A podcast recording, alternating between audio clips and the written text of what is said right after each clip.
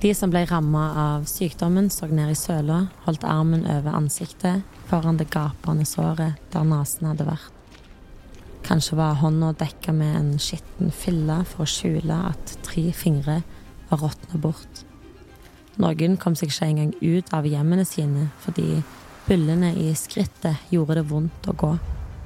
Hos noen av kvinnene kunne stanken fra kjønnsorganene skremme den kåteste mann til avhold. Den stavangerske pesten fikk herje i et halvt århundre før myndighetene gjorde noe.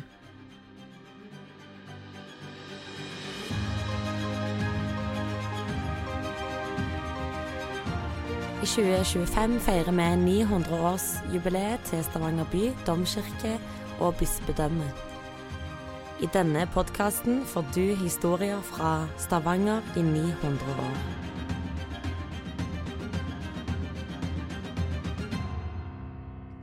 Den stavangerske pesten.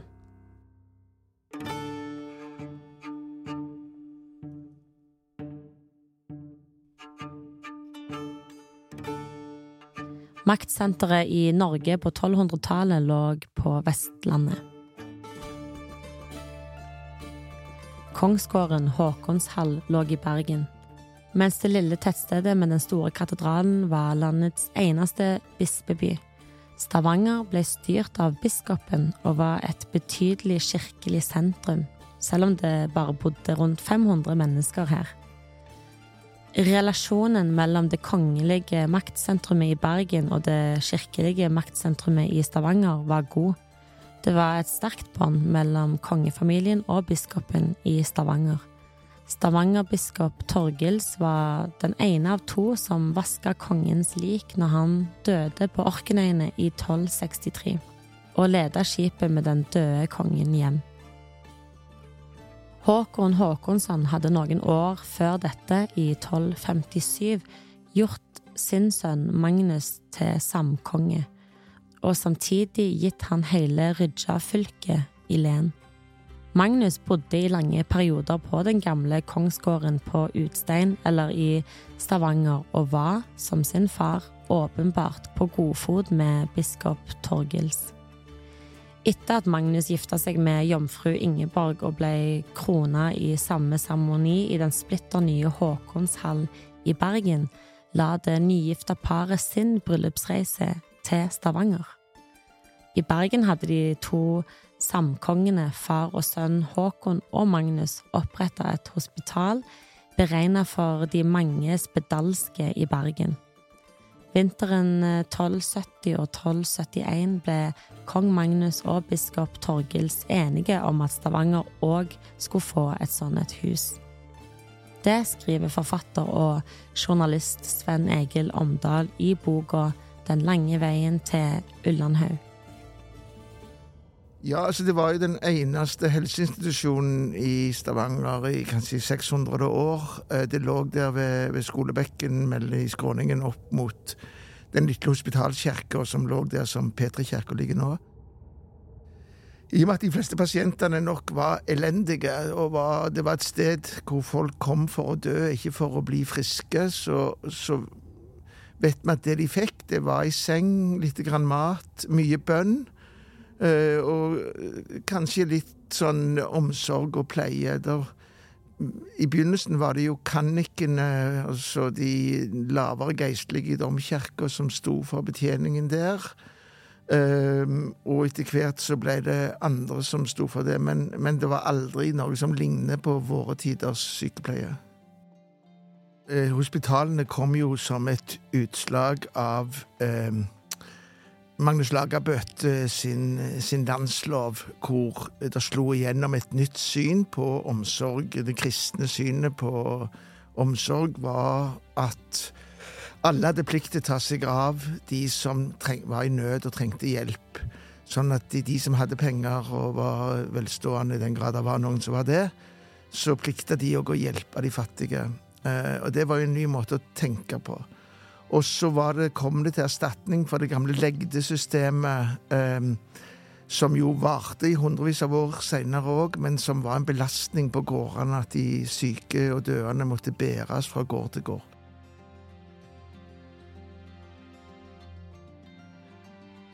I Norge var det vanlig å la de fattige gå på legd fra gård til gård, som hadde røtter tilbake til trelleholdet, den norske formen for slaveri. De syke ble i Stavanger med jevne mellomrom båret rundt fra gård til gård. Endring måtte til. Forandringen kom med kong Magnus, han som fikk navnet Magnus Lagerbøte, kongen som forbedra lovene. I 1274 ble hans landslov gjeldende, og med den trengte det kristne synet på omsorg og nestekjærlighet gjennom det norske samfunnet. Nå var det lovbestemt at de som hadde makt og penger, ikke bare skulle hjelpe sine egne, men òg hjelpe alle som trengte pleie. Hospitalet i Stavanger ble et fysisk uttrykk for denne nye tenkemåten. Så Sånn sett kan du si at hospitalet hadde både en eh, politisk og en symbolsk betydning, mer enn en, faktisk betydning, såpass lite som det tross alt var. Men det var den eneste helseinstitusjonen i distriktet i hundrevis av år.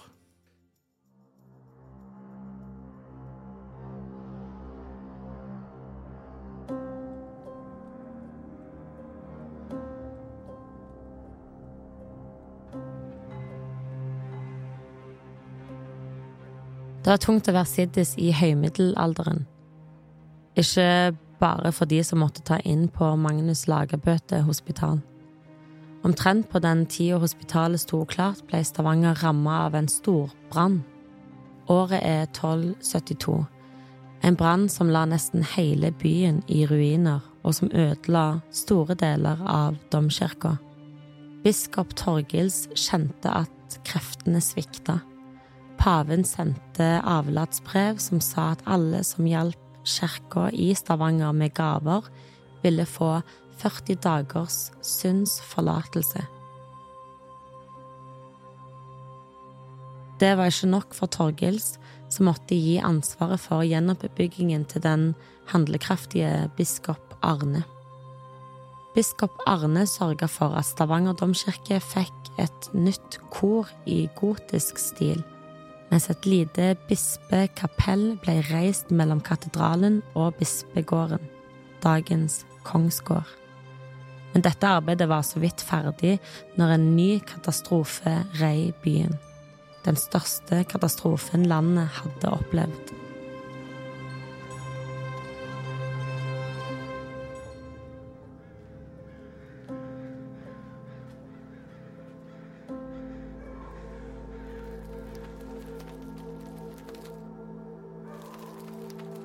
Når basillen Yerasinia gestus nådde brygga i Bergen september 1349, var det ingen som kunne hindre spredningen av svartedauden.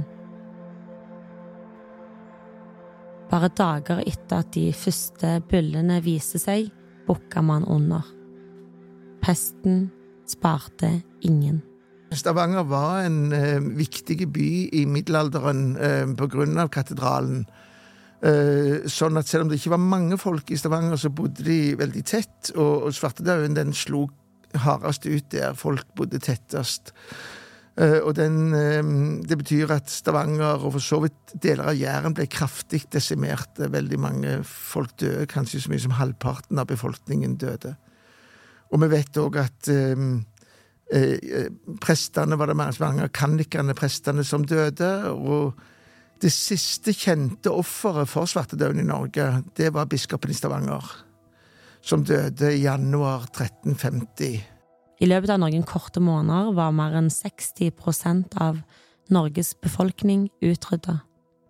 Pesten var hardest der folk bodde tett, som i den lille husklyngen innerst i Vågen i Stavanger alle de andre nordmennene som døde av svartedauden, de døde i løpet av høstmånedene i 1349. Men Guttorm Pålsson han døde da i januar 1350. Så kom det jo mange pester etter svartedauden. Det var pester i flere hundre år, og det tok et par hundre år før folketallet nærmte seg det som den hadde vært før svartedauden. Men vi har jo ennå en rest av svartedauden i norsk helsevesen knytta til Rogaland, den såkalte Rogalandsmutasjonen.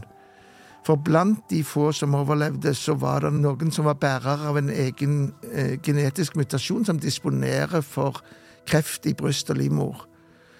Og den bæres av eh, et visst antall familier. Av de familiene så er et stort antall hører hjemme i Rogaland. Og alle de som har denne genfeilen, de får tidlig oppfølging ved mistanke om kreft, og mye tettere oppfølging enn andre. Og det er det eneste helsetiltaket i Norge som har røtter tilbake til svartedauden.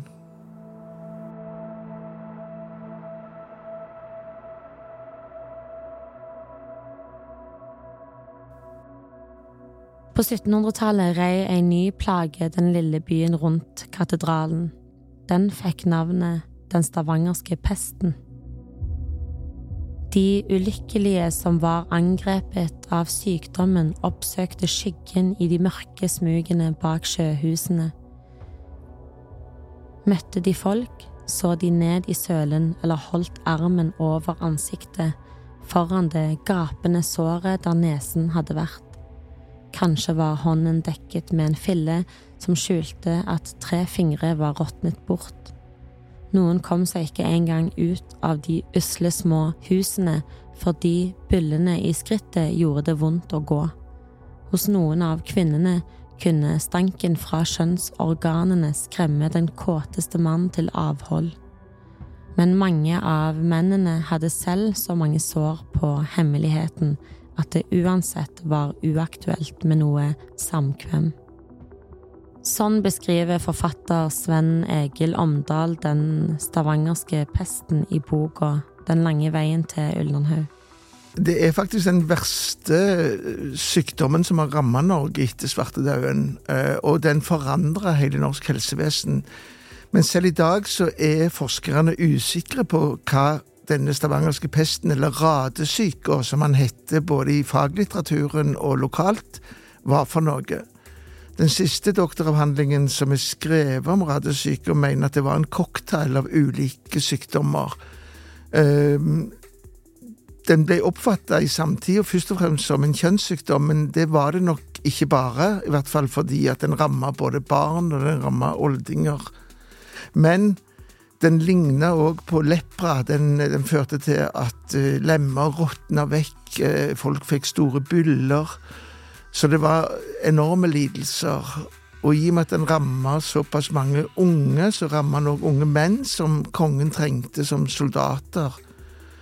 Uh, men det tok lang tid, det tok 50 år før datidens helsemyndigheter, som jo satt i København, oppdaget at det var i ferd med å bre seg en epidemi i Norge fra etter hvert Den oppsto jo i, i Stavanger-området, eller ble først registrert her, og så spredte den seg østover helt bort til Telemark og nordover helt til Finnmark langs kysten.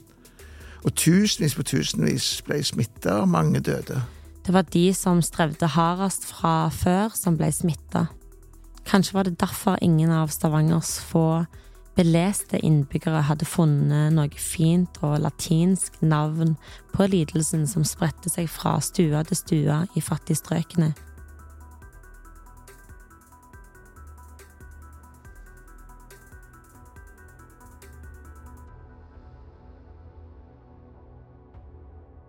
De som ble ramma og de rundt de, kalte han bare for radesyken, etter det lokale ordet for sånn som var råttent, usselt og vondt.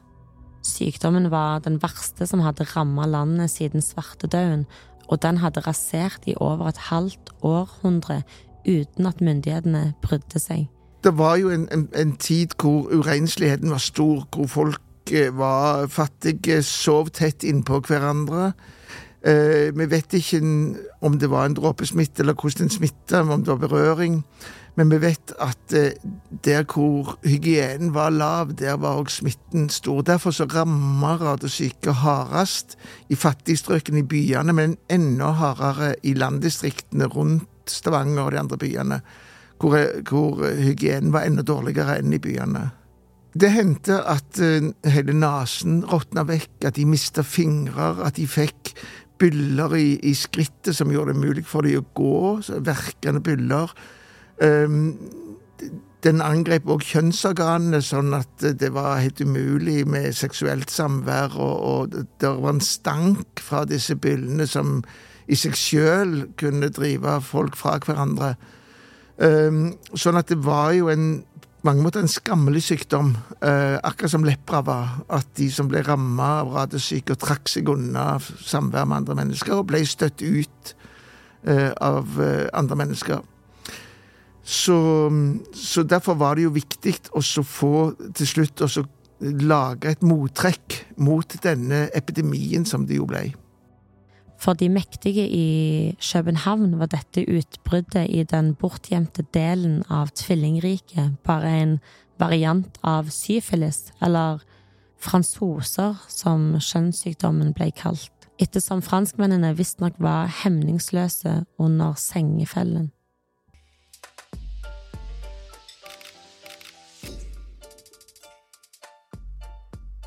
For det første så var det syfilis det var der over hele Europa. Det, det var en veldig utbredt sykdom. og De trodde nok at det bare var et sånn syfilisutbrudd i denne delen. Og så var kysten av Norge var en ganske utilgjengelig og bortgjemt del av tvillingriket. Eh, sånn at det, det, det gikk nok ikke så veldig mye informasjon før amtmann Bendix Christian det Fine skrev en rapport til kongen som alle amtmennene ble bedt om, og hvor han skrev om denne spesielle lidelsen og sykdommen som bredte seg.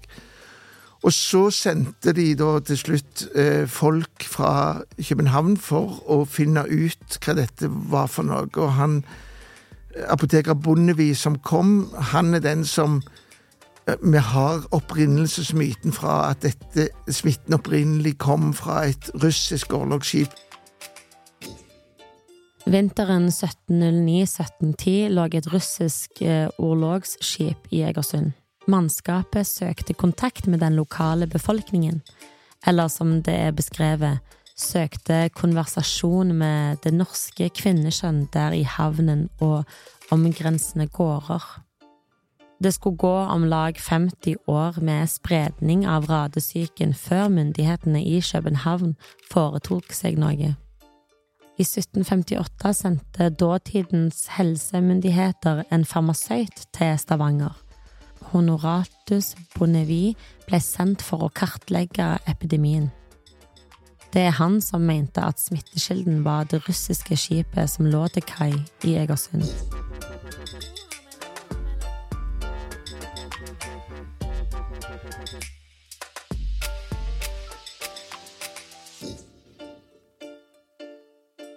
Men hva gjorde Egersund-damene når kontakten med de russiske sjøfolkene førte til svia, byller og lukt nedentil? Hva gjorde de når skammen la seg tungt over de? De dro til Stavanger.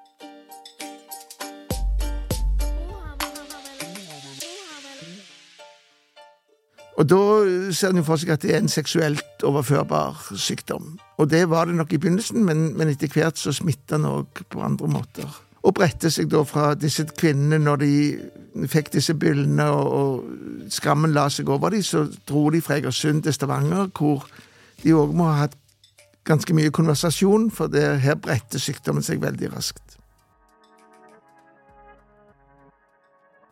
Kjønnssykdommer og andre smittsomme plager var ikke unikt i Europa på denne tida. Men overalt forklarte man sykdommens opphav med å peke på de andre. Det er alltid de andre som er smittekilden.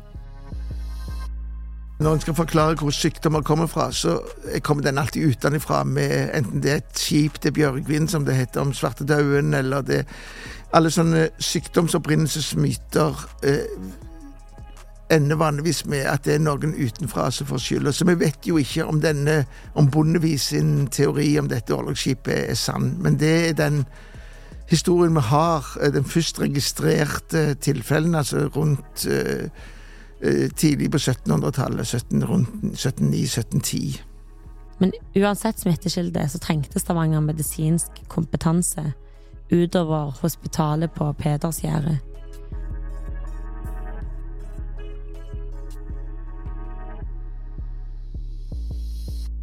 I desperasjon ble fiskere beordra til å danse sykdommen bort fra klærne når de kom i land, og de fattige fikk beskjed om å brenne de få klærne de hadde, og rive panelet på rommet hvor de syke hadde bodd.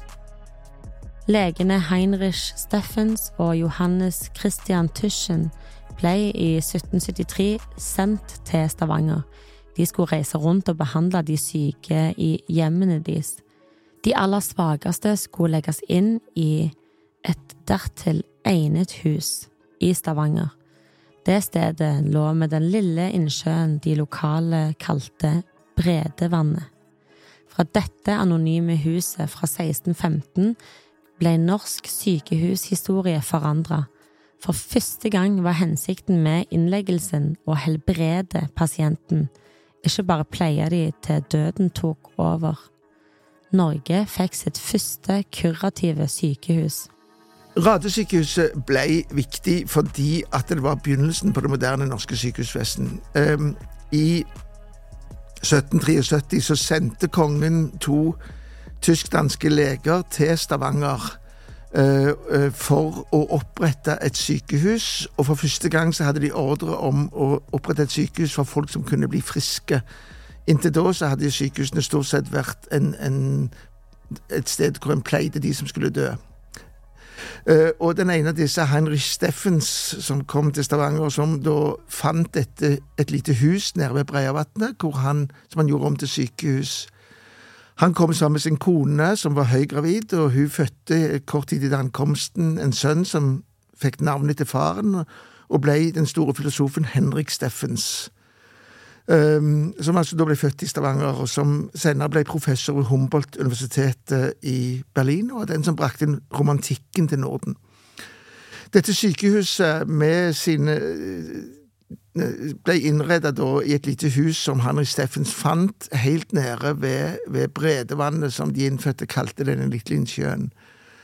Uh, og Det var et hus som opprinnelig var bygd av en, en prest ved, ved domkirka, som var 150 år gammelt når han kjøpte det, og det ble gjort om. Og der, Dette sykehuset var altså det første legestyrte kurative sykehuset i Norge. Så Radesyke den danna da grunnmuren for det norske sykehusvesenet. Men den førte òg til at den første amtsfysikus, altså forløperen for fylkeslegen, Eh, ble oppretta som en resultat av radesyker. Så radesyker skapte òg fylkeslegesystemet. Og Radesykehuset, det, det lå eh, eh ved Breivatnet da i, i, 70 år, eh, bortimot 70 år, til, til tidlig på 1840-tallet. Hvor det ble altfor lite, og det var Og da var det òg blitt det første amtssykehuset i Norge, altså det første fylkessykehuset i Norge.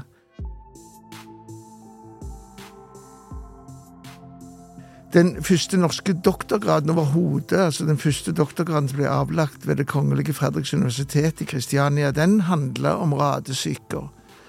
Eh, den første, de første medisinske tidsskriftene i Norge skrev om radesyker. Eh, Ut, rundt omkring i Europa kom det òg ut bøker om denne rare pesten i Norge, og de omtalte den òg som radesyker. Den førte jo da i sin tid til at vi fikk det første norske kurative legestyrte sykehuset, som er begynnelsen på det moderne sykehusvesenet. Hva skjedde så med det gamle hospitalet? Fra 1786 ble hospitalet lagt inn under det nyoppretta Fattigvesenet, og hospitalet ble etter hvert til en blanding av fattighus og sinnssykehus. I 1845 ble hospitalet revet, og dets virksomhet ble overtatt av den nyoppretta institusjonen Den kombinerede innretning.